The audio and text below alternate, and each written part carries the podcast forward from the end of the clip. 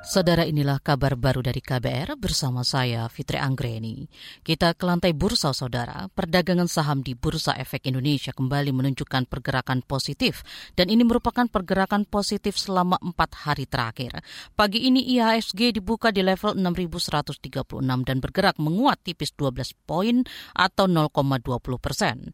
Indeks sempat melejit ke level tertinggi harian di posisi 6.149 dan juga sempat anjlok ke level terendah di posisi 6.090 sebelum kembali ke zona hijau.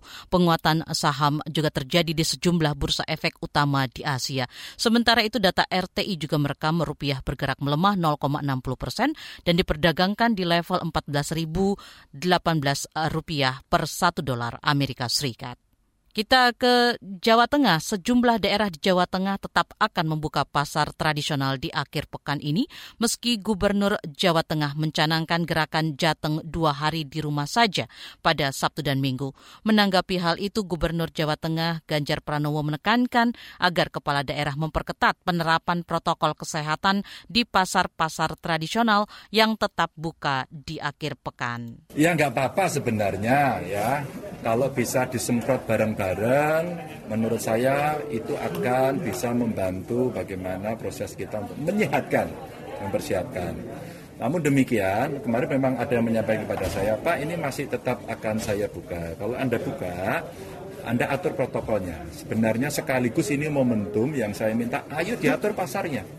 Kalau tidak, nanti tidak akan ada perbaikan yang e, berjalan. Maka e, beberapa kemarin sudah sepakat juga ikut menutup, tapi beberapa yang lain akan membatasi. Gubernur Jawa Tengah Ganjar Pranowo juga meminta agar semua daerah serius menjalankan operasi justisi penegakan hukum pelaksanaan protokol kesehatan pada akhir pekan selama gerakan Jateng dua hari di rumah saja.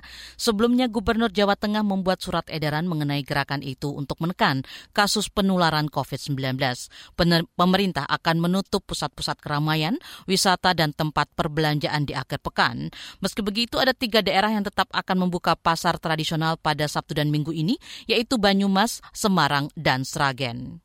Dewan Keamanan Perserikatan Bangsa-Bangsa PBB mendesak militer Myanmar melepaskan Aung San Suu Kyi dan tokoh lain dari tahanan. Suu Kyi dan para tokoh lain ditahan militer dalam kudeta pada Senin dini hari lalu. Desakan itu muncul usai 15 negara anggota Dewan Keamanan PBB menggelar rapat pada Kamis kemarin. Mengutip Reuters, dalam pernyataannya Dewan Keamanan juga mendesak agar Myanmar menjunjung tinggi institusi demokrasi dan proses demokrasi, menghindari kekerasan dan menghormati hak asasi manusia.